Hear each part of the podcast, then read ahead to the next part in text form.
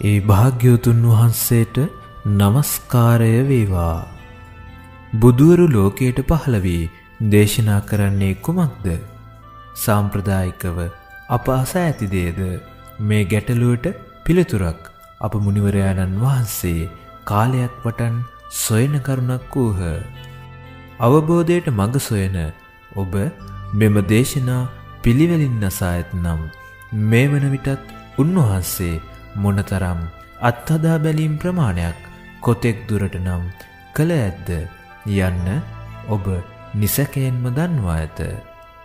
වැඩි කතා බහක් නොමැතිව බුදුවරු ලෝකයට පැමිණ දේශනා කරන දුකනිවා සිත සදාකාලිකව සතුටටපත් කරන ඒ උතුම් අජරාමර මාවත මුලමැදාග තුන් තැන පැහැදිලිව ප්‍රාර්ථනාවෙන් ඔබෙහි පවතින සැබෑ සතුට වෙනුවෙන්.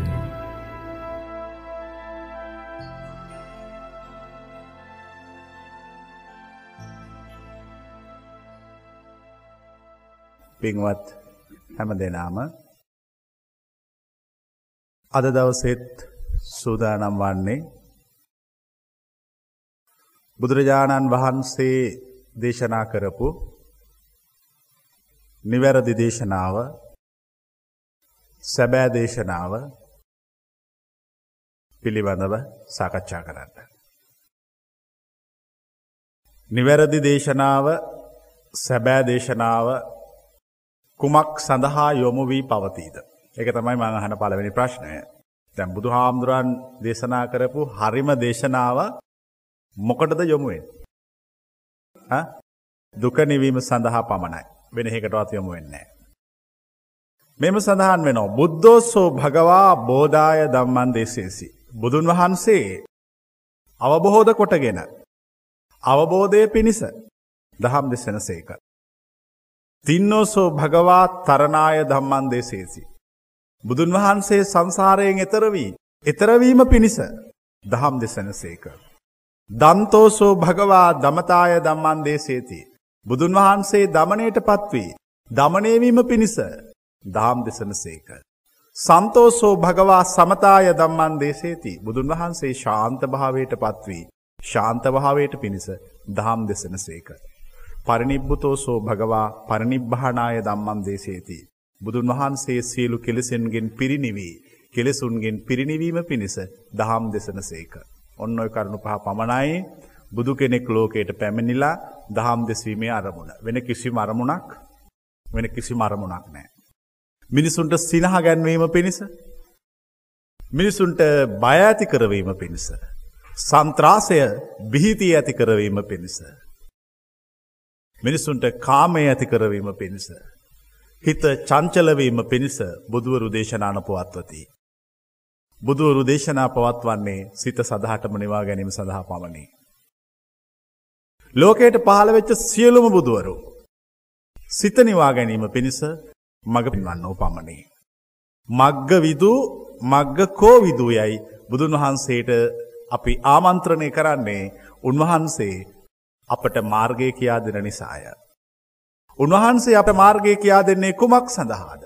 උන්වහන්සේ අපට මාර්ගය කියා දෙන්නේ සංසාරයෙන් එතරවීම සඳහා පමණී. බුදුන් වහන්සේගේ සැබෑම දේශනාව පවතින්නේ සසරින් නිදහස් වීමටය. සසරින් නිදහස් වීමට කැමැත්තෝ බුදුන් වහන්සේගේ දේශනාවට සවන් දෙත්වා. අකමැත්තෝ සවන් නොදෙත්වා. කවුරු මොනව කිව්වත්. බුදු කෙනෙක් ලෝකයට දේශනාව පවත්වන්නේ සංසාරයෙන් නිදහස්වීම සඳහාම පවනයි. බුදු කෙනෙක් ලෝකයට පැමිණෙන්නේ මිනිසුන් සිල්වත් කිරීමට නොව. මිනිසුන්ගෙන් පුද පූජාවල් ලැබීමටද නොව. මිනිසුන්ගෙන් කීර්ති ප්‍රසංසා ගෞරව නම්බුනාම ලැබීමටද නොව. මිනිසුන්ගෙන් හොඳ ඇසීමටද නොව නරක ඇසීමටද නොව. කිසිවකට නොව. සත්තියේ පනිවිඩය සත්තිී නාදය සත්තියේ ස්වරය සැබෑම බුදුන් වහන්සේගේ දේශනාව තුළින් මනුෂ්‍යලෝකයාට කියාදීමටය. ඒ සත්‍යයේ පනිවිඩය ඒ සත්‍යයේ නාදය ලෝකයට කාලෙන් කාලෙට බුදුවරු සැබෑම පනිවිඩ අරගෙන මනුසලෝකට එනවා.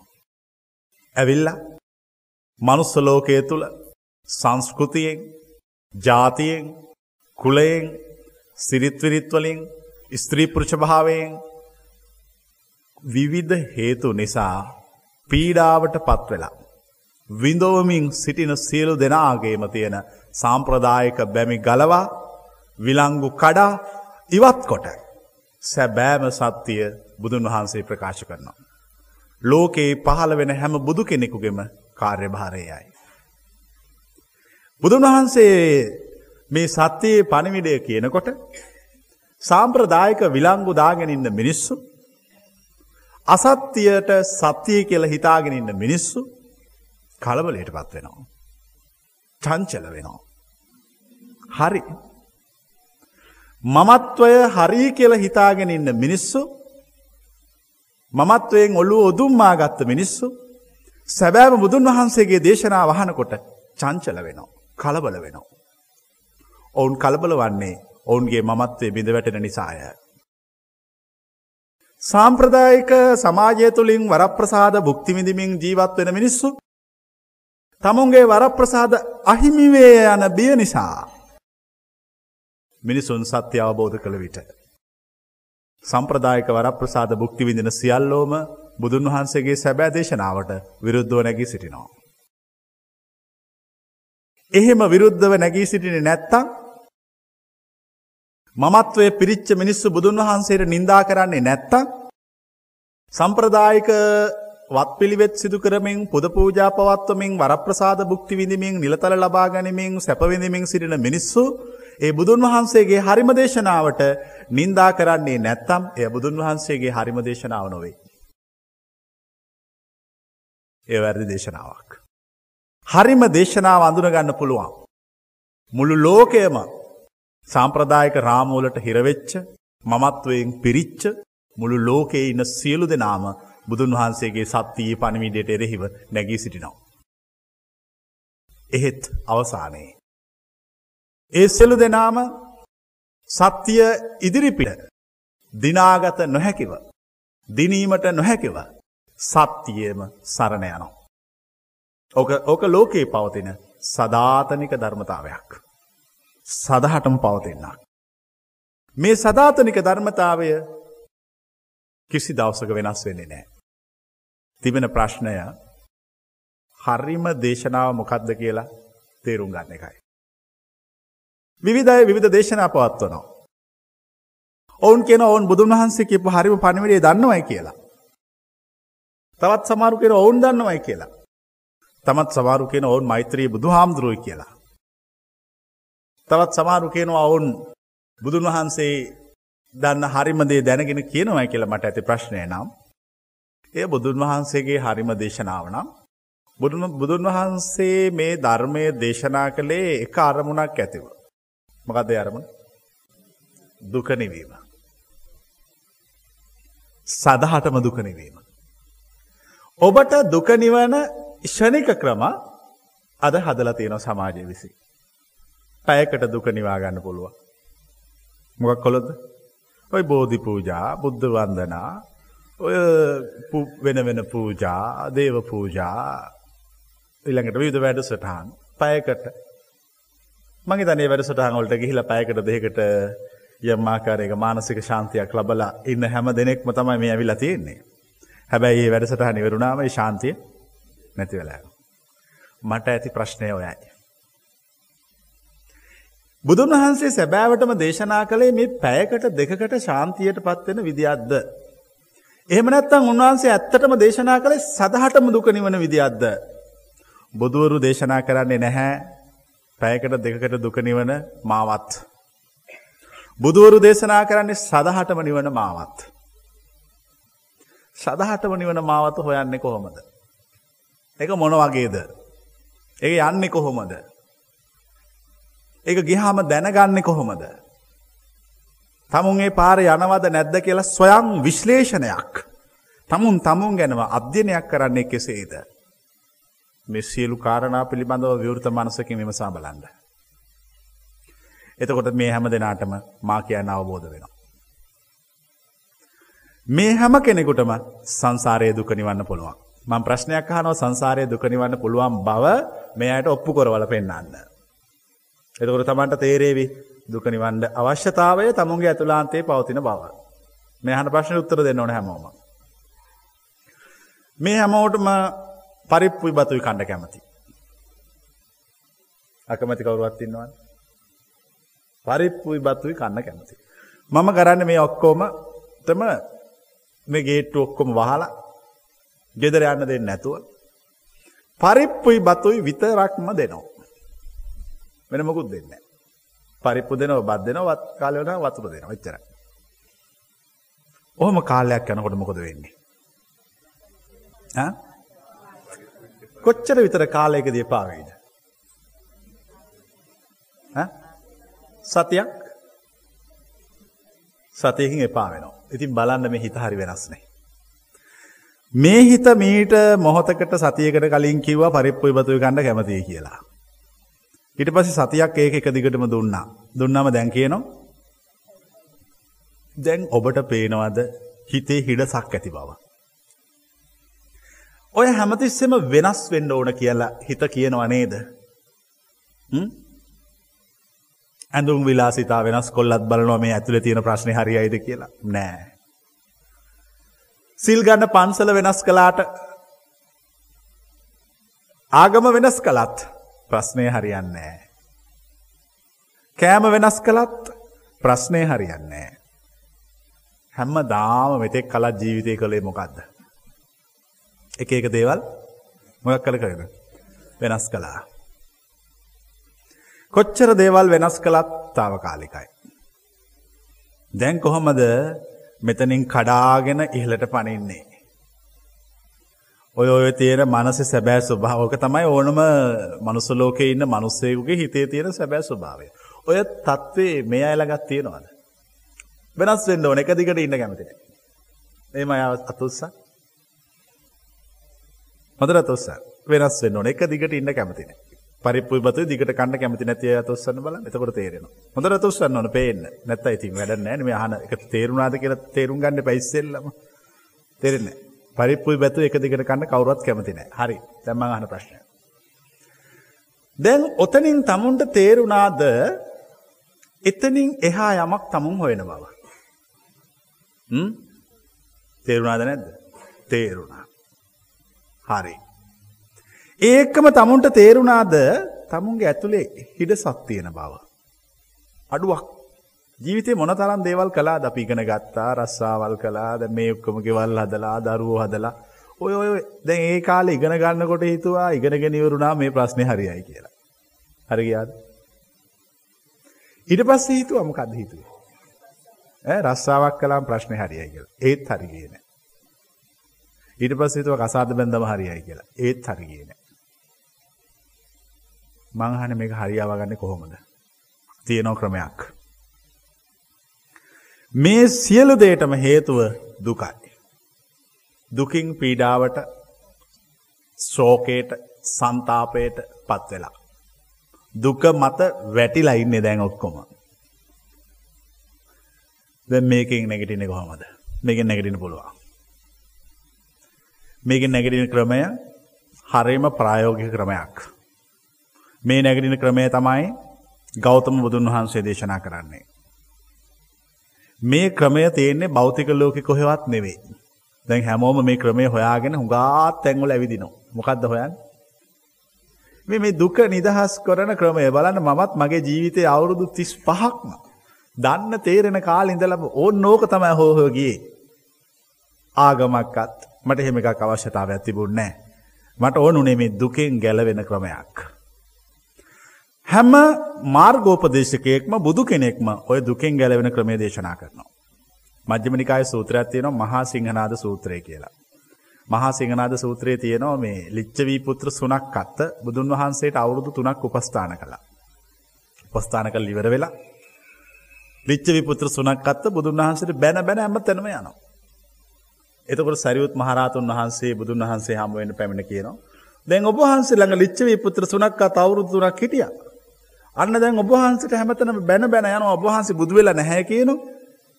ඔබවාස හිතට එනේනවා කියනවයි කියනු. ඔබහන්ස කියනවවාම් දුක නිවෙනවයි කියලා කියන. තුරුන් වහස කියන සාරිපුත්‍ර මට බැලල නෑන සුච්චවි පුත්‍ර සුනක් අත බුදුගුණ කියලනේ. ඒමකන්ද. බලන සැරියුත් මහරතුන් වහන්සරත් එක තේරෙන්නේ උන්වහන්සගේ ඥානය මත ඒ තේරුම් ගන්න උන්වහන්ස කියන එතකොට සාරිපුත්‍ර. මම බුදු වෙලාද නැද්ද කියන එක ඒගුලන්ට ප්‍රශ්නයක් නෑ. මම කියනදේ ඇහුවහම දුකනි වෙනවනම් ඒ ඇති නේද. ඉතින් ඒකනේ බුද්ධ කියලගෑ. දැන් කෙනෙක තේරෙනවාද. කියන දේ ඇහුවහම දුකනි වෙනවනම් ප්‍රමාණවත්. ඔය හැමතැනම දෙවියන් දෙවිය බුදුන් වහන්සේට ආමන්ත්‍රණය කරන්නේ මාරිස කියලා. මාරිස කියන එකේ තේරුම සිංහල තේරුම නිදුකානන් වහන්ස. දුක නැති කළ උත්තමයානනේ. බුදුන් වහන්සේ හරියටම දන්නවා දුක නැති කරන විදිය. හැබැයි මේ හැමෝම දුක නැති කරන්න විධ ක්‍රමවේද භෞතික පරිසරය තුළින් හොයනවා. ඔන්න ඔතන තම වරද්දගත තැර ම දකින විදියට. භෞතික පරිසරය මොන්න තරම් සැපදායක වෙන්න හැදුවත් මොන තරම් දුක්දායක වෙන්න හැදුවත්. දුක නැති කොරන්න බෑ. මං ඔබට කියන්න මානසික පරිසරය සකස්වීම තුළින් දුක නැති කරන විදිය. දුක නැතිකිරීමක් කතා කරන්න පුළුවන් වන්නේ මනස ගැන කතා කොළොත් පමණයි. මං මේ කාට හරි දෙනවා වතුර වීදුරුවක් අතට. වතුර වීදුරුවක් අතේ තියාගත්තම බරද නැද්ද? හුඟක් බරද නැද්ද? ඈ? බර නැහැ. අතේ තියාගෙන ඉන්න පුළුවන්. ඔය වතුර වීදුරුව බිම තියන්නේ නැතුව දවසක් තියාගත්තොත් බරද නැද්ද? දැන් මම ඔබෙන් ප්‍රශ්නයක් අහනවා. දවසක් තියනකොට වතුර වීදුරුවේ වතුර වැඩි වුණාද? ඉතින් මම අහන්නේ නම් කොහොමද බර වුනේ? මේ සියලු දේ සිතර දැනෙන දේවල් පමණයි. ඉස්සෙල්ලම තේරුම් ගණ්ඩ මේ සියල්ල මායාවක් බව. මේ සියල්ල සිහිනයක් බව. භෞතික ලෝකයේ මමත්වය වැඩි මිනිස්සු කාමාශාවෙන් පිරිච්ච මිනිස්සු භෞතික දේවල්ලට ආසා කරන්න මිනිස්සු කිසිවක් කැමති නෑ මේ පේන දැනෙන දකින සියල්ලම සිහිනයක් කියල පිළිගන්න. ඔබ සිහිනයක් යා පිළි නොගන්නා තා කල්ම ඔබට බුදුන් වහන්සේගේ සැබෑ පනිවිඩ අවබෝධ වෙන්න. සිහිනයක් යා පිළිගන්න. මෝගරාජ සූත්‍රයේදී බුදුන් වහන්සේ මෝගරාජ භික්ෂුවට පැහැදිලි කරන්නේ මෝගරාජ ලෝකේ ශූර්ණයයි. ලෝකේ ශූන්‍යය කියා උන්වහන්සේ පෙන්නුම් කරන්නේ ලෝකේ බෙදල බෙදල ගත්තාම පෙන්වන්න මුකුත් නෑ කෙසෙල් ගසක් අරගෙන අරටුවක් හොයන මනුස්සෙක් කෙහෙල් ගහක් අරගෙන ඇවිල්ල අරටුවක් හොයනවා. මොකක් දහුවේ එමන්සේ හිතන කෙහෙල් ගහේ පතුරක් ගැලෙව්වා මේ පතුරෙන් ඇතුළේ අරටුවක් ඇතයි කිය පොත්තක් ගලවනු. ඊට පස්සේ මන්සයා ඇන හිතන නෑනෑ මේකෙන් ඇතුළේ ඇති අරටුවක්. ඕම පොතු ගලවගෙන පොතු ගලවගෙන පොතු ගලවගෙන ගිහාම එමන්සට අරටුව පේනෑ ඒවගේ තමයි ඔබත්. මතක තියාගණ්ඩ සත්‍යය විමුක්තිය නිර්වාණය ගැලවීම ඔබළඟ තියෙනවා. ඉමස්මිංච බ්‍යාමත්තේ කළේ බරේ දුක්කංච දුක් සමුදයංච දුක් නිරෝධංච දුක්ක නිරෝධ ගාමිණී පටිපදාය මේ හතරම බමයක් විතර උසවෙච්ච මේ ශරීරය ඇතුළ තියෙනවා. දැන් කොහෙද නිවනති? ඉතින් බලන්නකො දූපුදිවිල්ලා. දැන් මං කියන්නම් ඔය තමුල්ලඟ තියෙනක හොයන විදිය. මේක හරීම වටිනා කරුණක්. මේක රහසක් ඇත්තටම මේක නොකිය යුතු රහසක් මොකද හැමෝම එක දැනගත්තොත් මොකක්ද වෙන්නේ හැමෝම සංසාරයෙන් අයින් වෙනවා. එතවට හැමෝම සංසාරය අයගුණාම කක්ද වෙන්න ලෝකය හිස් වෙනවා හැබැ මම දන්නවා කොච්චර ඇහුවත් පනිවිඩ යන්න කීප දෙනෙන් බව. යන්න බෑ. යන්න බෑ. ඒ රහස මෙන මේමයි කරන්න. දැන් මේ ලෝක දේවල් දෙකක් තියෙනවා. හරියට තේරුම් ගන්න මේ දෙකේ දෙකේ සිද්ධාන්තය. මේකෙන් ඇරෙන වෙන සංසාරයෙන් ගැලවෙන විදියක් මට නම් පේන්නේ නැහැ. ලෝකෙ පහළ වෙච්ච හැම බුදු කෙනෙක්ම මේ මේ සිද්ධාන්තය ඉදිරිපත් කළ අවාසනාවකට අපේ ත්‍රිපිටකවල මේ සිද්ධාන්තය තියෙනවා. කවුරුත් එළියට ඇදලා ගන්න කෙනෙක් නැහැ. ධර්ම විශ්ලේෂණයක් කළා නැහැ. ඒ නිසා දන්නේ නැහැ. සාම්ප්‍රදායික වත් පිළිවෙත් පුද පූජා පවත්වමින් ජීවත් වෙනවා. එතනින් එහාට ධර්මයේ පිළිබඳව ගැඹුරු විග්‍රහයක් කරන්නේ නැහැ. දැන් මම මේ හැමෝගෙම ප්‍රශ්නයක් අහනවා. ඔන්න එතකොට තේරි අපි හිතන්ගෙන හුඟක් දේවල් වැරදි කියලා. කරණී සූත්‍රය දන්නවනේ. මොකක්ද අන්තිම පදේ? නහි ජාතු ගබ්බසෙයං මං අහන ප්‍රශ්නය නහි ජාතු ගබ්බ සෙයං පුනරේති යනුව එකේ තේරුම කියන්න. නැවත කුස තුලකට එන්නේ නෑ වැරදි. කුස තුලකට එන්නේ නෑ කියන්නේ ඉපදීමක් නෑ කියන එක නෙවෙයි නේද. දර කල්පනා කරන්න කුසක් ඕනද උපදින්න.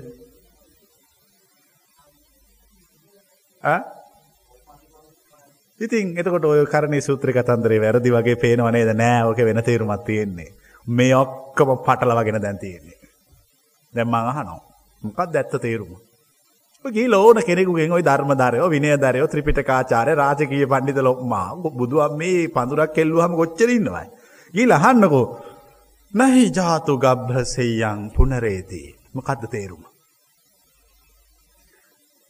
ඔය මමත් කලින් ඕකම තමයි කිව්වෙනං හැබැයි. ඒවට මොනෝ කරන්නේ මෝඩකමට කියන කතා ඉතින් කාලයක්ත් එක්ක මේක අවධි කොල්ල බැලුවහම තේරේ නො මේ සමහර කියනවා වැරදිී කියල එතකොට ඒ වැරද්ද හදා නොගන්නව නං ඒක ඒ මෝඩයාගේ දුරුවලතාවයක්. ඕනම මෝඩෙක් තමුන් සත්‍යය තමුන් හරිදේ දැනගත්තහම කලින් මං මෙහෙම වැරදි කලා ඒ මගේ නූගත් කමට නොදන්නා කමට මන් දැම් එක කරන්නේ නෑ මං මේ ගැන මීට වඩා දැන් දන්නවා කියලා කියන එක හොඳයි. අර නොකියා ඉන්නවට වඩා මත් කලින්කව නහජාතු ගබ සයම් පුඩරේ තීති කියල කියන්නේ නැවත මවකුසුපදින්න කළ මං දැන් එක කියෙන වැරදි කියලා.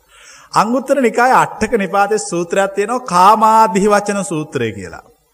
බුදුන් වහන්සේ දේශනා කන මහණනි කාමයන්ට නම් ගොඩක් තියෙනවා.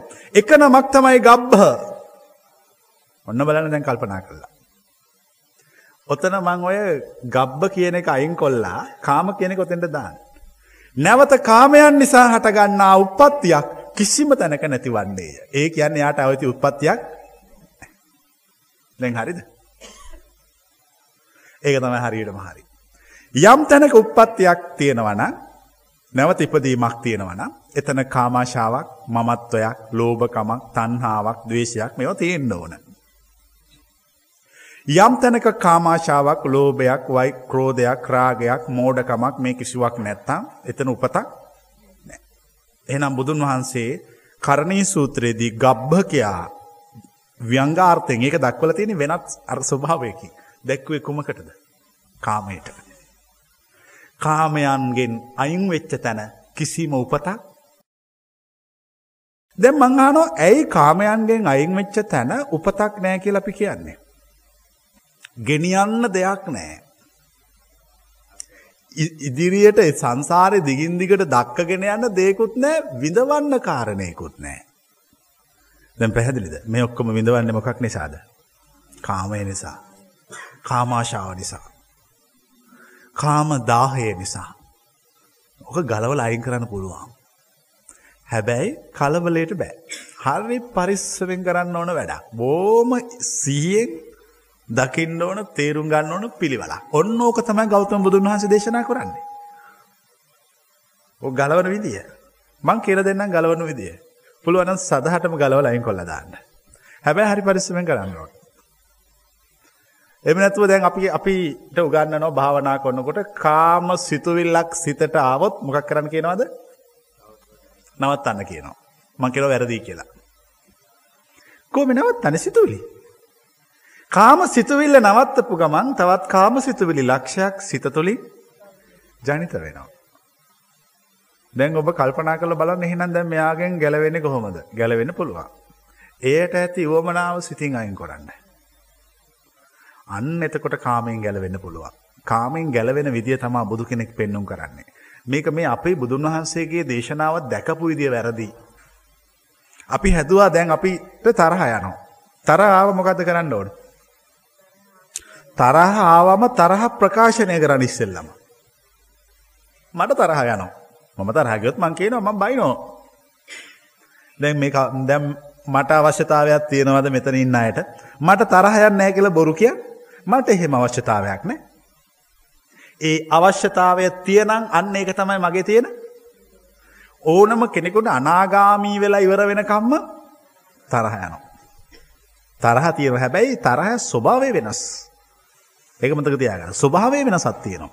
දැන් එතකොට කෙනෙකුගේ ධර්මාවබෝධය ගැන ඒ පුද්ගලට දැනගන්න පුළුවන් ඒ පුද්ගල හිතරෙන තරහ. දැනගන්න මෙහෙමයි. කලින් කොච්චර තරහගයාද. දැන් කොච්චර තරහයනවා. සංසන්ධනය කළ බලනකොට තමුන්ට තේරෙනවා තමුන් මේ කියන තැනට ඇවිල්ලද නැද්ද කියනක ඒවයි බලාගන්න අපි ඒ ගැන මෙතන සාකච්ඡා කරන්න ඒක ටිකක් ගැඹුරු තත්ත්වයක් මං මේ කියන්නේ සිත නිවන විදිය. දැන් ඔන්න සිතේ කාමය තියෙනවා. කාමයට කැමැත්තක් ඔබේ සිතේ ඇති වෙලා තියෙනවා. දැන් ඔබ කළ යුත්තේ කුමක්ද. මේ සිතේ අනි පැත්තෙන් හදන්න කාමයට අකමැත්තක්. දැන් එක පැත්තකින් කාමයට කැමැත්තක් තියෙනවා අනි පැත්තේ අකමැත්තක් තියෙනවා. දැන් සිතුවිලි ගියත් තියෙනද සිතේ. දැන් කාමය ක්‍රියාත්මක වෙන්න තියෙන අවස්ථාව සිතේ වැඩිද අඩුද. අඩුයි ඔන්න ඕක තම සාර්ථකම ක්‍රමය. ඕක තමයි මජ්්‍යම නිකායේ දවෙදහා විතක්ක සූත්‍රය විතක්ක සන්ටාන සූත්‍රය සල්ලේක සූත්‍රය කියෙන සූත්‍ර තුනේ දිගෞතම බුදුන් වහන්ස දේශනා කරන කවරුවත් දන්න.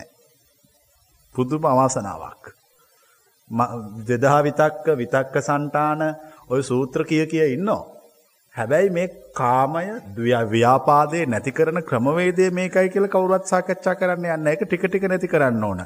දැන් අපිට නිදිමත වෙනවා කොබල නිදිමත වෙන ඇතුස්ස.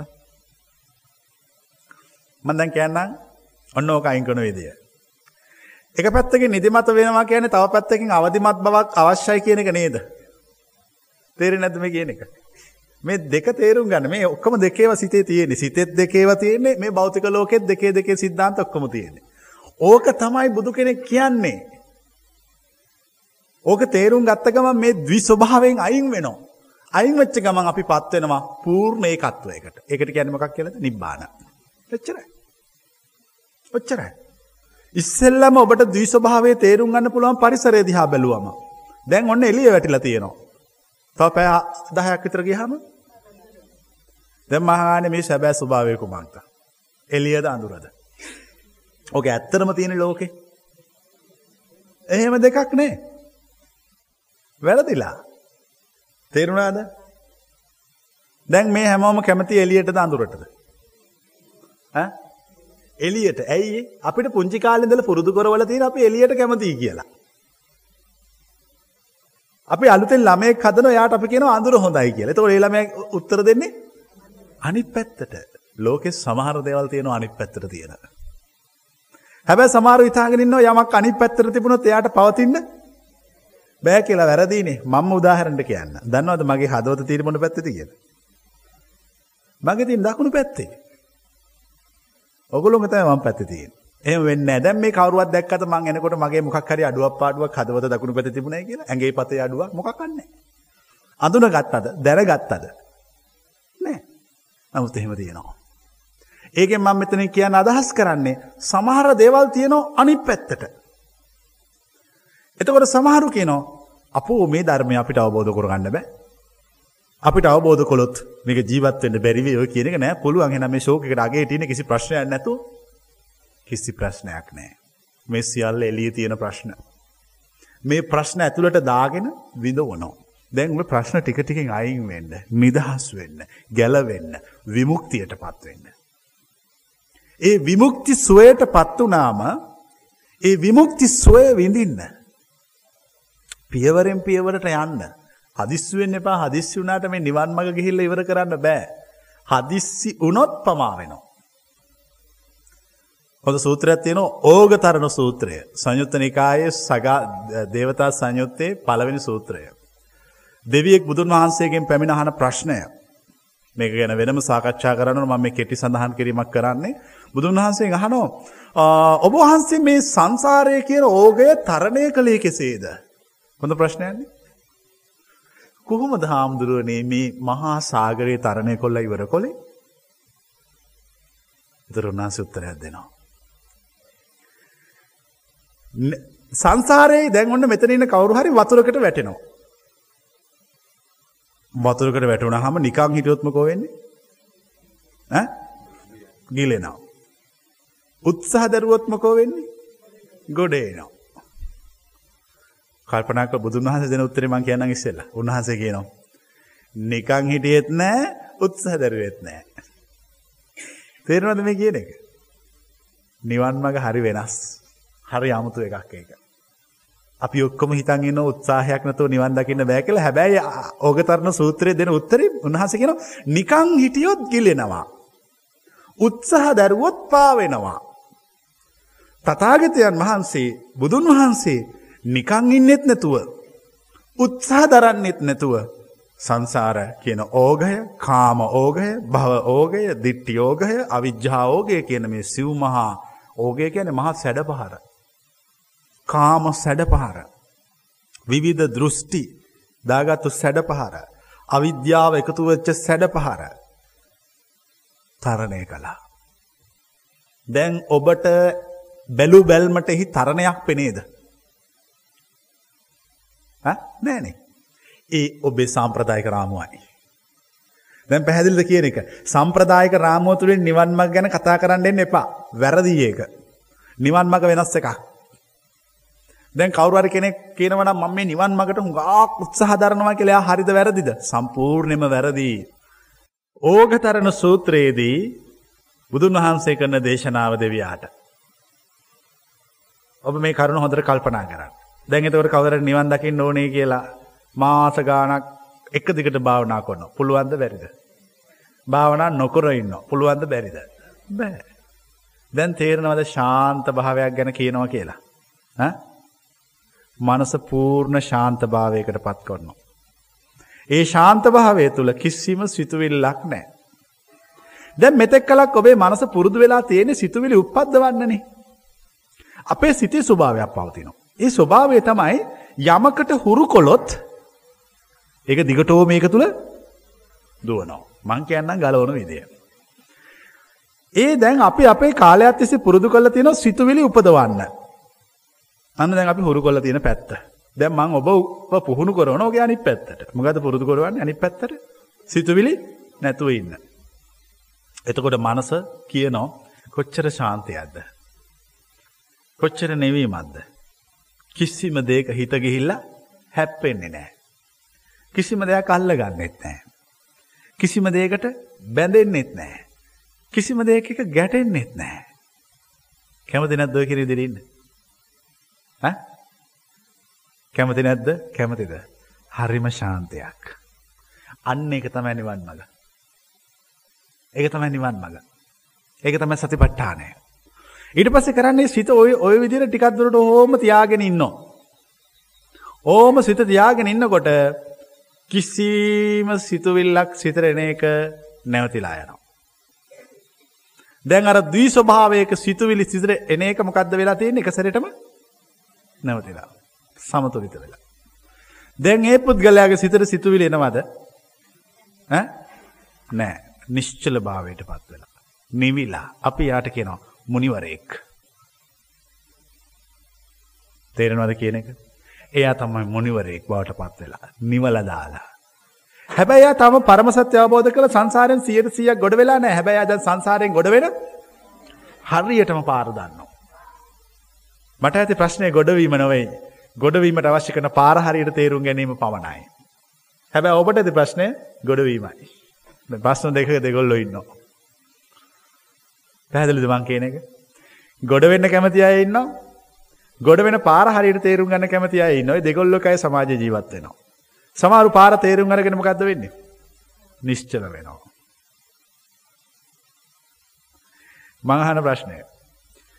ගොඩ වෙන්න පාරත් හරියට දැනගෙන නිශ්චල වෙන කෙනාද ශ්‍රේෂ්ඨ ගොඩ වෙලා ඉවර වෙන කෙනාද? ඈ ගොඩවෙන් මම කියන්නේ මගේ මතය පාර දැනගෙන නිශ්චල වෙන කෙනා ශ්‍රේෂ්ඨයි. තේරුණාද? ඒ තමයි උපේක්ෂාව. නිවන කෙරෙහිවත් බැඳීමක් නැත. හරියටම පාර දන්නවා. යන්නත් පුළුවන්. එක සැරේට ගොඩ වෙන්නත් පුළුවන්. ගොඩ නොවි බලන් ඉන්නවා. ගොඩ වෙන්න අවශ්‍ය කෙනෙක් දැක්ක ගමන් ඔතනින් බහින්ද ඔතනින් නගින්ද ඔතනින් බහින්ද එතකොට හම්බ වෙයි කියලා කියනවා. ඒ පාර අහලා ඒගොල්ලෝ ගිහින් ඉවර වෙනවා. හැබැයි අරයා ওই විදිහට මේ මම දකිනවා මේ සමාජයේ මිනිස්සු වර්ග දෙකක් ඉන්නවා. විමුක්තිය අපේක්ෂා කරන. මං ඒ අයගෙන් වඩා ශ්‍රේෂ්ඨයයි කියන්නේ පාර හරියටම දැනගෙන එහි යම් පියවරවල් ගොස් නිශ්චල වී බලාගෙන සිටිනවා කාලයක් උදාවන තුරු. අන්න ඒක තමයි ශ්‍රේෂ්ඨ.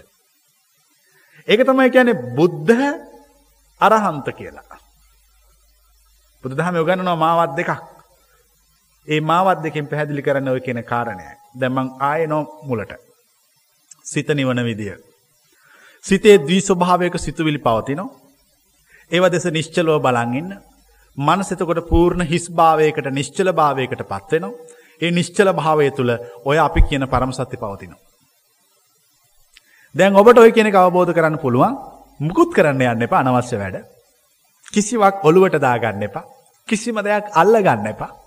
හරිම නිදහස් වෙන්න. සියල්ල අත්තරන්න. සියල්ලට ඇති ලෝභකම ආශාව ඇල්ම අත්තරලදාන්න. කිසිවක් කිසිවකුගෙන් අපේක්ෂා කරන්න එපා. කිසිවක් බලාපොරොත්තු වෙන්න එපා. ඔබ යමක් තව කෙනෙකුෙන් අපේක්ෂා කරන අන්තිම් මොහොත දක්වාම ඔබේ සිත නැගටිනෙ නෑ. සිත තවත් කෙනෙකුත් එක බැඳීමක් හදාගෙන තියෙනවා. කිසිම කෙනෙකුවෙන් කිසිම දෙයක් බලාපොරොත්තු වෙන්න එපා. ඒ බලාපොරොත්තුවීම ඔබේ මානසික අඩුවක් දුරුවලතාවයක්. සෝත්සාහයෙන් අභිමානයෙන් නැගි සිටින්න. එවිට ඔබට බුදුන් වහන්සේගේ දේශනාව තේරෙනවා. කොච්චර දැඟලුවත් උත්සාහ ගත්තත් බුදුන් වහන්සේගේ දේශනාව තේරුම් ගත නොහැක. උත්සාහ කරන්නෙත් නැතුව නිකං ඉන්නෙත් නැතුව සිටින බුදු සිටි බෝධිසත්වයෝ පරම සත්වී පණවිඩිය තේරුම් ගත්තා. ඒකයි අර දේවතාවට කියන්නේ මේ මම ඕගහ තරණය කළා හැබැයි මම ඕගේ තරණය කරන්න කියලා අමුහුතු උත්සාහයක් දරලා මේකට මහන්සි වනෙත් නෑ උත්සාහයක් නොදර හිටියෙත් නෑ. ගිලුනෙත් නෑ ඉල්පුනෙත් නෑ. එතොට දේවතාව කියනවා පුදුමාකාර දේශනාවක් නෙමේ කනා. සැබෑවට ඔබහන්සේ ඕගහය තරණය කළ මුනිවරයෙක්. ඔබහන්සේ වගේ කෙනෙක් දකිින්ට තියෙන. ඒක තමයි ජීවිතයේ ලැබෙන ලොකුම වාසනාව කියලා දෙවයා අතුරුදහන් වෙනවා. දැන් ඔබ තේරුම් ගන්න ඕගහ තරණය කළ ගෞතම බුදුන් වහන්සේ ගැන. හරි වෙනස්. අපි මෙතෙක් කලක් මේ සම්ප්‍රදායක රාමෝ තුළ අපිට උගන්නපු එකට වඩා මේ කන දේශනාව වෙනස් හැබැ මේ කන දේශනාව ත්‍රිපිටකේ තියෙනවා හරියටම. උනේ කවරුවත් මේ කන දේශනාව දැකල අවස්සල ගත්තේ නැති එකයි. මම කෑන්න මෙහෙමයි. දැම් මෙතනින කවරි හොඳට කළමනා කරණය ඉගෙන ගන්නවා. ඉගෙන ගෙනවෙල මුළු ත්‍රිපිටකේම කියෝගෙන යනකොට එයාට අහු වෙන්නේ මොන විශයට සම්බන්ධ කරනුද වැඩිපුර කළමනා කරණයට අදාලෙව හම්බ වෙනවා. ඉට පස්ස මෙතනන කවරට හොඳට විද්‍යාව ඉගෙන ගන්නවා. ඉගෙනගෙන නිවල්ල එයා ඒ විෂයට සම්බන්ධව උපාදි ඔක්කොම ලබාගෙන වෙල්ල අර පොත්තිමුළු ත්‍රිපිටකේම කියවන. එතකොට යායට හම්බෙන මොන අත් විෂයට අදාලේ වද විද්‍යාවට අදාලයව කවර එක්කෙනෙක් විමුක්තිය ගැන හරියටම හොයලා ඉවර කරනවා. හරියටම දැනගන්න. දැනගෙන ඉවරලා ත්‍රිපිටකේ කියවන දැන් අහුවෙන්නේ මොන කොටස්වලට අදාලේවද. හරියටම විමුක්තියට අදාළ දේශනාටික පේන්න පටන් ගන්නවා. එතකොට රහත් වෙච්ච කෙනෙක් උනත් මේ දහම් පොත කියව්වොත් එයාට අදාලව මේක තියනවා හැබැ රහත් නොවෙච්ච කෙනෙකුට එව පේන්නේ ඉති මොනෝ කරන්නේ. දැන් තේරෙනද අන්ද භාවයක ඉන්නවා කියලා. රහත් නොවෙච්ච කෙනෙකුට ධර්මය සත්‍යයේ පණවිඩේ නොදන්න කෙනෙකුට මේ දහම කිව්වට පිළිගණ්ඩ කැමති නෑමකද එයාට සාපේක්ෂ වෙච්ච දෙහිකුත් ඒක ඒක තීරද සමහර දේශනා තිර දැන් ඔය බුදුන් වහන්සේ මගුල් ගෙදරකට ගී පෝස්ථාවක්. උග්ගහ සූත්‍රයේ. එතර උගහ බමන බුදු හාමුදුරන්ට එන්න කියලා දානයක් ඒම දීලා කියන අත මගේ දියනවරු ඔක්කොම දී ගයන්න දවස බුදු හාමුදුරනේ අවවාදයක් දෙන්න එතකොට අවවාද පහත් දෙනවා. දැන් එතකොට විවාහ වෙන්න ඉන්න කාන්තාවක් තරුණ ළමෙක් ත්‍රිපිටකය කියවනකොට යාගේ හිතට වැටෙන්නේ අරවා විතරයි. එයාට විමුක්තියක් ගැන තේරෙන නෑ විමුක්තියට පත්වී. විමුක්තිය දැනගෙන එහි යම් පියවරවල් සාක්ෂාත් කොට අවසන් වෙලා මේක දිහා බලපුගමන් අවශ්‍ය සියල්ල තියෙනවා. මං කෑන්නේ ඉස්සෙල්ල විමුක්තියට පත්වෙන ත්‍රිපිටක කියවන එක නවත්තලා.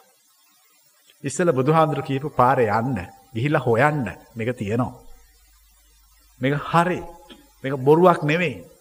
මටත් සැකතිබුණ කලින් මේක බොරුවද දන්නෙත් නෑ මේ අපිත් කරනෝ කොන්නව කොන්නෝ කිසි දෙයක් ලැබෙන්න්නෙත් නෑ හැබැයි ලැබෙනවා. මේක තියෙන දහම ප්‍රශ්නයක් නෙමේ අපි කරන කියන දේවල් වල ප්‍රශ්නයක්. පැදිලිද කියන එක? දැන් මේ කාට හරි වෙරිවෙන්න ඕන වෙනවා. වෙරිවෙන්න ඕන වෙලා ඒ මනුස්සය කරන්නේ වතුර බෝතල් විස්සක් විතර බොනෝ. වෙරි වේද රැද්ද. කවදාකත් වෙරි වෙන්නේ. හැබැයි බිව්වා මොනවද බිව්වේ? දැන් බලන්න එයා කළේ නොකළ යුතු වැඩක්. එයාට අවශ්‍යතාවය වෙරි වෙන්න නමුත් එයා බිව්වේ ඊට පස්සේ මිනිස්සෙකුට වෙරි වෙන්න ඕන කළා ඒ මනුස්සයා අරක්කු බෝතල් 20ක් බොනවා කියලා හිතමු. එතකොට වෙරි වෙන්නේ නැද්ද? වෙරි වෙලා මැරෙයි. දැන් මේ දෙක කල්පනා කරලා බලන්න. හැබැයි යත් බිව්වා, මෙයත් බිව්වා, එක්කෙනෙක් වතුර බිව්වා, එක්කෙනෙක් අරක්කු බිව්වා. ඒ දෙන්නගේම අවශ්‍යතාවය වෙරිවීම හැබැයි දෙන්නගේ එක්කෙනයි වෙරි වුණේ. ඒ කියන්නේ හරි. දැන් තේරෙනවද මම මේ කියන්න හදන එක? ඈ? මේක තේරුම් ගන්න. කාටද හෙම්බිරිස්සාවක් හැදෙනවා.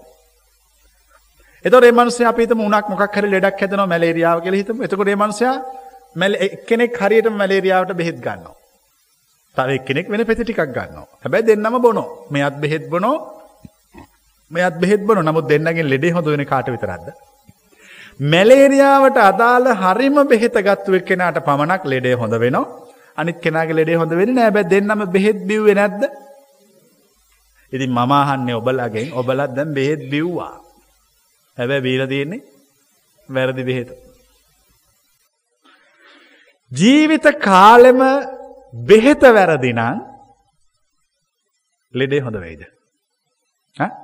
නෑ ඉතින් හරි. දැන් බෙහෙත වැරදුනා කියලා අපි අරගෙන බීපු බෙහෙත වැරදි කියලා ඔය බෙහෙත අපිට මුලින්ම හදලා දීපු මිනිස්සයා පලිද? නෑ. ඒ මිනිස්සයා හරි බෙහෙත කියලා තියෙනවා. අපේ මෝඩකම. අපි බෙහෙත අපිට කියපු අය වැරද්දිට කිව්වා. දැන් මං කියන්නේ බෙහෙත නිවැරදි කරගන්න. මැලේරියාව හැදුන කියලා හිතාගෙන බෙහෙත් බොන්න ලෑස්ති වෙන්න. බුදුන් වහන්සේ දවසක් පාරේ යනකොට උන්වහන්සේ හමු වෙන එක මිනිස්සෙක් උන්වහන්සේගෙන් අහනවා "තමුන්වහන්සේ කවුද?" තමුන්වහන්සේ දිහා බැලුවම බොහොම නිවිච්ච පාටක් තියෙන. තමුන්වහන්සේ කවුද? මම ශල්්‍ය වෛද්‍යවරයෙක්. ඈ? තමුන්වහන්සේ ශල්්‍ය වෛද්‍යවරයෙක්? ඔව්. ඒ කියන්නේ මොකක්ද හාමුදුරුවනේ? මම මිනිස්සුන්ගේ හිත්වල තියෙන කෙලෙස් කටු ගලවලා මිනිස්සුන්ගේ හිත් සුවපත් කරවනවා. ඒ නිසා මම ශල්්‍ය වෛද්‍යවරයෙක්. දැකලා දීපුත්තරේ. ඉතින් අර මිනිස්සු ඇතර එතනදිම සත්‍ය අවබෝධ වුණා. එතනදිම සෝතාපන්න භාවයටපත් වුණා හරියට තේරුණා. බෙහෙත දීපු කෙනාගේ නෙවෙයි ප්‍රශ්නය, බෙහෙත කියපු කෙනාගේ නෙවෙයි ප්‍රශ්නය. බෙහෙත දෙන්නේ වැරදියට. දැන් මං අහන්නේ කොච්චර දැන් මම වුණත් මේ අයට වැරදි බෙහෙතක් දුන්නොත් එම් ලෙඩ හොඳ වෙයිද? හැබැයි මේ දෙන බෙහෙත පොඩ්ඩක් බීලා බලන්න. හරියටම හොඳ වෙනවා. ඉස්සෙල්ලා කියන්නේ ලෙඩේ හොඳ කරගෙන ඉවර වෙලා. ලෙඩේ හොඳ කරගෙන යම්තාක් දුරට මට තේරෙනවා මේ බෙහෙත තමයි දැන් දෙන්න ඕන මෙච්චර කලක් දීපු බෙහෙත් වැරදි. කොච්චර බෙහෙත වටිනවා වුණත් බෙහෙත ලස්සන වුණත් සුන්දර වුණත් රමණීය වුණත් වැඩක් නෑ බෙහෙතෙන් ලෙඩ හොඳ වෙන්නේ නැත්තම්. තේරුම් ගන්න. තේරුම් අරගෙන ඔය සුන්දර රමණීය ලස්සන බෙහෙත් බොන එක නවත්තලා හරිම බෙහෙත බොන්න ලෑස්ති වෙන්න. හැබැයි හරිම බෙහෙත ටිකක් තිත්තයි. ඒකයි ප්‍රශ්න තියෙන්නේ. දැන් අපිට හරිම බෙහෙත තිත්තයි කියලා වැරදි බෙහෙතක සීනි බෝලයක් දවටලා සීනි ගාලා දුන්නොත් ඒත් බොනවද? නෑ. ලෙඩේ හොඳ කරගන්න අවශ්‍යතාවය තියෙන කෙනා බෙහෙත කොච්චර තිත්ත වුණත් බෙහෙත බොනවා දන්නවා බිව්වොත් හරියටම හරි. අන්න ඒ වගේ තමයි මේ කියන බෙහෙතත්. මේ කරන දේශනාවත්. හරියටම හරි. කවුරුරි වැරදි කියලා කියනවා නම් එක සැරේට කියන්න එපා. බොහෝම ගැඹුරු විශ්ලේෂණයක් කරන්න. කරලි වෙලා බලන්න. බලමු ඔබට තේරෙයි මේ කියන එක හරිද? වැරදිද කියලා. එතකන් කලබල වෙන්න එපා. එතකන් කලබල නිගමනය කරන්න එපා. එහෙම කළොත් වැරදි. හදිස්සි නොවි මේ කියන බෙහෙත පානය කරන්න. පානය කල්ල බලන්න. බලලා ඉවර වෙලා ගැනීම නොගැනීම ඔබ තීරණය කරන්න. ඒක ඔබේ අයිතියක් මිසක් මගේ අයිතියක් නෙවෙයි. මට පුළුවන් බෙහෙත ගැන කියල දෙන එක පමණයි මට පුළුවන් පෙන්න්න මෙන්න මේක තමයි බොන්්ඩෝන නියම බෙහෙත අනික් බෙහෙත් මත් ඔක්කොම බීල බැලවා කලින් හැබැයි ඒක බෙහෙතකටවත් ලෙඩේ නං හොඳ වනේ නෑ ලෙඩේ හොඳ වෙන එකම එකක් තියෙනවා ඒක බොන්න. මම ඔබටත් කියැන ඔබේ මානස තියෙන සියලු මානසික ව්‍යාදී. හැදිල තියෙන්නේ මනසෙ තියෙන දවිස්වභාවේ තේරුම් නොගෙන සිටින නිසා. ඔබ හිතනවා සමහර දෙවල් වෙන්න ඕනේ කියලා. නැද්ද. දැන් අපිතු මෙතන න වයසට කිව අම්ම කෙනෙක්. ඒ අම්මට ඉන්න ළමයි අතර පස් දෙනෙක් එතකොට අම්ම හිතාගෙන නොයි ළමයිටක අම්මට සලකන්න ඕනේ කියලා වැරදි හිතන එක මං කියන්නේ. මොකද එමෙ හිතන්නේ? මොකටද බලාපොරොත්තු වෙන්නේ? දැන් එතකොට මේ ළමයි සැලකුවේ නැති ගමන් මොකෝ වෙන්නේ? දුක් වෙනවා. ඉතින් කවුද දැන් මෙතන හරි කවුද වැරදි? මේ අම්මලා අම්මා වැරදි. මොකද එයා හිතනවා එයාට ඇයි එහෙම හිතුවේ? ඊට පස්සේ ආ මුළු ජීවිත කාලෙම විඳවනවා. ඉතින් ඔය ඔහොම බලාපොරොත්තුවක් නැති කෙනෙක් විඳවනවාද? හරියට මේ කියන දේ තේරුම් ගන්න. කිසිම වෙලාවක විඳවන්න එපා. විඳවන්න හේතු වෙන සියලු දේ අයින් කරන්න. හැම දෙයකම සන්තෝෂ වෙන්න. හැම දෙයකම hina වෙන්න. එතකොට හැඬීමක් නෑ. හඬන්න ඕන දෙයටත් සිනා වෙන්න පුළුවන් නම් සිනා වෙන්න ඕන දෙයටත් සිනා වෙන්න පුළුවන් නම් ඔබ දිනු. හඬන්න අවශ්‍ය තැන හඬන්න සිනාවෙන් අවශ්‍ය කරන තැන සිනාවෙන්න සදා කාලයටම හඬමින් සිනහවෙමින් ජීවත් වෙනවා මිස දිනන්නේ නැත. සැබෑවටම දිනන්නේ හඬි හඬන්න අවශ්‍ය තැන සිනාවෙන්න හා සිනාවෙන් අවශ්‍ය තැනද සිනාවෙන්නාමය. ඒ නිසා මතක තියාගන්න ජීවිතය තුළදී හැම්ම දේටම හිනාවෙන්න. මිදිකන්න බැරිවෙච්ච නරියා කන්න බැරිවෙච්ච මිදි ගැන දුක්කුණේ නෑ. ඒකට කිව්වා පෝ මේක ඔබඩ අමාරු හැද යාරයට මහරිය නරිය මං කැනේ නරිය නිකන් නරියන්නේ ධර්මබෝධය කළෙක්. අඩුම තරම සෝවාන්නලා ඉන්න ඕන ඔය කතාවක් කියන්න නැතන් එන්න. සෝතාපන්නයකට නැති කෙනෙකුට ඒ සෝතාපන්න භාවය කියන්නේ ඒක කිසි දෙයකට කම්පා වෙන්නේ නැහැ චලනය වෙන්නේ නැහැ නිශ්චලයි මනස. රතන සූත්‍රයේ තියෙන එකනේ යතින්ද කීලෝ පටවින් සිතෝසියා චතුබ්බි වාතේහි යසම්පකම්පියෝ. තතූපමන් සප්පුරිසං වදාමි යෝ අරිය සච්චානේ අවෙච්ච පස්ස. ඉන්ද්‍ර කීලයක් මහපොළොවේ හිටෙව්වා ගැන ඉන්ද්‍ර කීලේ ගැන කාටවත් හොල්ලන්න බෑ. හිටෙව්ව මේ කාටවත් සොල්ලන්න බෑ අන්න ඒ වගේ තමා හතර පැත්තෙන් හුළඟ ආවත් ඉන්ද්‍ර කීලේ හෙලවෙන්නේ නෑ වගේ ශ්‍රෝතාපන්න භාවයට පත්වෙච්ච ආර්ය ශ්‍රාවකයාගේ හිත කිසිම දෙයකින් ඉතින් මං අහන්නේ දැන් සැලෙන විදි දෙකයිනේ තියෙන්නේ. එකක් තමා ලැබීමෙන් සැලෙනවා. අනිත් එක තමා නොලැබීමෙන් සැලෙනවා. ওই දෙක අයින් කොල්ලා දාන්න. දැන්කෝ සැලීමක්. නෑ සදහටම නෑ. ඔහොම හිත පුරුදු කරගෙන පුරුදු කරගෙන යන්න කියනකොට මේ මා කියන දේ ඔබට තේරෙවි වැටහෙවි අවබෝධ වේවි. සිත නිශ්චල භාවයට පත් වේවි. කිසිම දෙයකට කම්පා වෙන්නේ නෑ. කිසිම දෙයකට චලනය වෙන කම්පා වෙන්න හෙල්ලෙන්න එපා. වැඩක් නෑ. තේරුමක් නෑ. මෝඩයි. මෙච්චරකල් ගොංකං මෝඩකං කරමින් කම්පා වෙමින් හඬමින් hina වෙමින් මේ සංසාරේ ගියා. මං කියන්නේ දැන් ඔය hina වෙච්ච එකත් නවත්තන්න අඬන එකත් නවත්තන්න නිශ්චල භාවයට පත් වෙන්න. ඒ නිශ්චල භාවයට පත් වෙන්න නම් ඔබ ඔබේ මනස දෙස සිහියෙන් බලන්න. හිතේ ඇත්තම ස්වභාවය බලන්න. තමන්ගේ හිතේ මාන්නක්කාරකම නැගිටලා එනකොටම ඔන්න එනෝ ඔන්න එනෝ. තමුන්ට හොඳ කියනකොටම සිත උදුම්මවා ගන්නවා. ඒ කියන්නේ ඔබේ ළඟ තියෙන මාන්නයයි. තමුන්ට බනිනකොටම සිතට තරහ එනවා. ඒ කියන්නේත් ඔබ ළඟ ඇති මාන්නයයි. බනිනකොට කළ යුත්තේ තරහ ගැනීම නොව ඔබ ළඟ මාන්නය ඇති බව තේරුම් ගැනීමයි. කවුරු හරි හොඳ කියනකොට කළ යුත්තේ සිත උදුම්මවා ගැනීම නොව ඔබ ළඟ මාන්නය ඇති බව තේරුම් ගැනීමයි. ඕම තේරුම් අරගෙන තේරුම් අරගෙන ඉන්නකොට යම් වෙලාවක ඔය මානයේ එක්තරා අත්තිවාරමක් කඩාගෙන වැටෙනවා. ඒක තමයි ශ්‍රෝතාපන්න භාවය. එතකොට කිසිම දෙයකට චලනය වෙන්න අවශ්‍යතාවයක් චලනය වෙන්න අවශ්‍යතාවය ඇති තාක් ඔබ චලනය වෙනවා. චලනය වෙන්න නැති වුමනාව අයින් කරන්න. චලනය වෙන්න නැති වුමනාව අයින් වුණාම සදාතනිකම නිශ්චල භාවයට පත් වෙනවා. ඔය නිශ්චල භාවය පවත්ව ගන්න පුළුවන් මරණ වෙලාවේදී. දැන් ඔබ මෙතන කොච්චර නිශ්චල වුණත් මරණයේදී මොකක් වෙයිද? චංචලද නිශ්චලද? ඈ කොබලන් චංචල වෙන අතඋස්ස. නිකන් අතඋස්සන බල තමුන්ට ෂුවර් නැත්තම් විශ්වාස නැත්තම් තාම නම් ඔය කියන නිශ්චලභාවය ඇවිල්ලා නැහැ. චංචල වෙයි කියලා එතන අතඋස්සන මරණයේදී. ඒ කියන්නේ මම මේ මෙතෙක් වෙලා කරපු දේශනාවෙන් කිසිම වැදගත්මක් නැහැ කියන එකනේ. දැන් ඒක පුරුදු කරන්න. දැන් ඇහුවට වැඩක් නැහැ. දැන් පේනෝනේ අහලා තේරුමක් නැහැ. පුරුදු කරන්න ඕන කිසි දෙයකට හෙල්ලෙන්නේ නැහැ. ඕම හෙල්ලෙන්නේ නැති කෙනාගේ හිත පුරුදු වෙනවා මරණය ළඟ නොසෙල්වී සිටින්න. මරණය ළඟ හෙල්ලුනොත් තමයි නරක උප්පත්තියක්. ඉතින් මරණය ළඟ හෙල්ලෙන්නේ නැත්තම් එයාට නරක උප්පත්තියක් ගැන කතා කළ නොහැක. ඒ කියන්නේ එයා සෝතාපන්න භාවයටපත් වෙලා. මේ හැම පැත්තකින්ම කෙනෙකුගේ සිතේ දියුණුව පෙන්න්න පුළුවන් කෙනෙකුගේ සැබෑ සිතේ දියුණුව කියලා කියන්නේ මට තේරෙන විදියට කිසිම දෙකට කම්පානවීම. කිසි දෙකට චලනය වෙන්න. හෙල්ලෙන්නේ නෑ. හැබැයි ඒ හෙල්ලෙන් නැතිකම හොඳට ජීවිතය පුරුදු කොල්ල තියෙන්න්න ඕන ජීවිතේ හෙල්ලෙන් නැතිකම පුරුදු වෙන්න නම් ජීවිතේ වැඩියෙන්ම ලැබෙන්න ඕන හෙල්ලෙන අත්දැකීමද හෙල්ලෙන් නැති අත්දැකීමද. හෙල්ලෙන අත්දැකීම් දකින්න ඕන.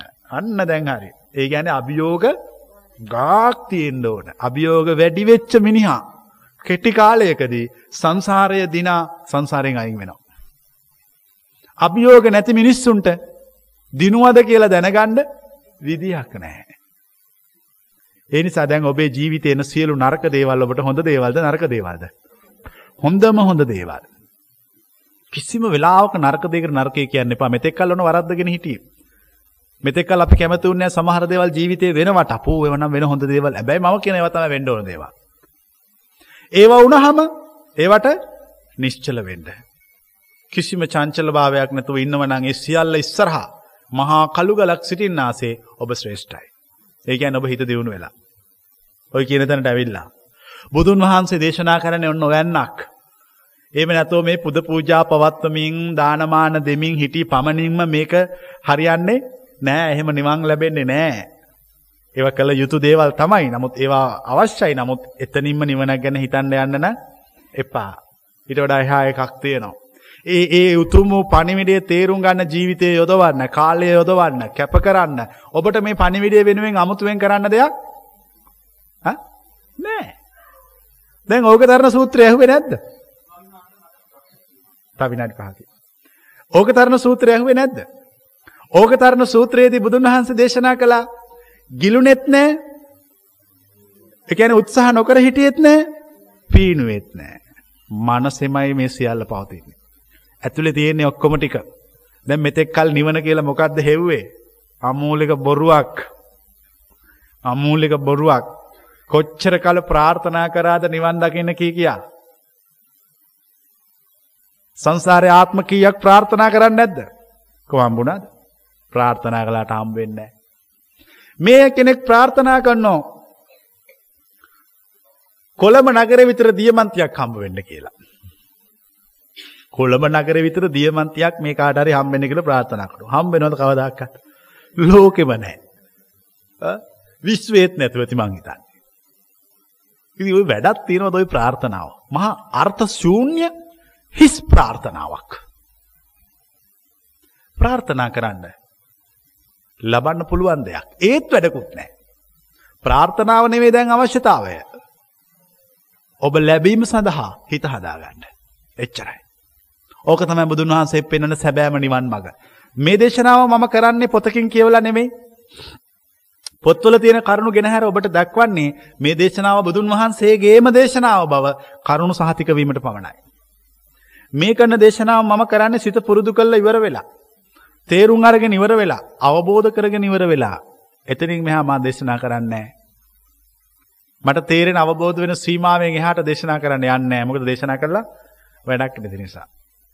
තේරෙන අවබෝධ වෙන දේ පමණක්ම දේශනා කරනවා. කැමතිය පිළිගන්න කැමතිය ප්‍රතික්ෂේප කරන්න. ඒක ඔබේ ප්‍රශ්නයක් මිසක් මගේ ප්‍රශ්නයක් නෙමෙයි. මේ කියන දේ හරියට තේරුම් අරගෙන ජීවිතය හදාගන්න. මනුස්ස ජීවිතයක් හරි වටිනවා. හැම මනුස්සයෙක්ම මේ මනුස්ස ලෝකෙට එනවා යම් අරමුණක් ඇතුව. ඔබ දන්නේ නැහැ ඔබ මනුස්ස ලෝකෙට ආපු අරමුණ. හැබැයි මම ඔබට දැන් කියලා දෙනවා. හැම කෙනෙක්ම ආවේ මෙන්න මේ කියපු උතුම් පණිවිඩය හොයාගෙන යන්න. තේරුණාද කියන එක? ඒක තමයි මේ මනුස්සලෝකට ඇවිල්ලා විවිධ වැඩ කලාට කිසි තෘප්තියක් ලැබුණ නැත්තේ. අවශ්‍ය වැඩේ කරගන්න බැරි වුණා.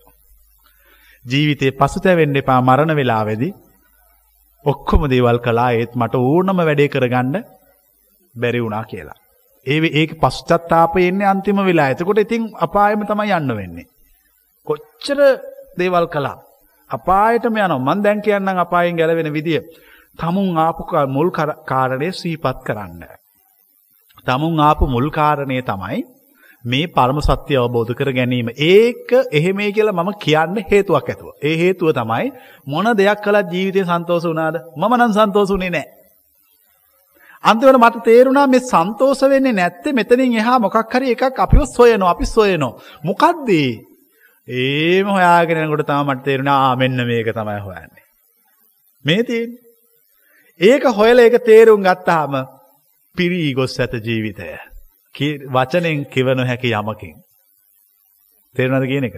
වචනෙන් කිවනො හැකි දෙයකින් පිරී ගොස් ඇත ජීවිතය. ඔබත් එලෙස වන්න. එලෙස උනොත් අන්න ඒක තමයි සැබෑම ගෞතව බුදුන් වහන්සේගේ දේශනාව. ඒ සැබෑ දේශනාව ඒ උතුම් දේශනාව අවබෝධ කරගෙන.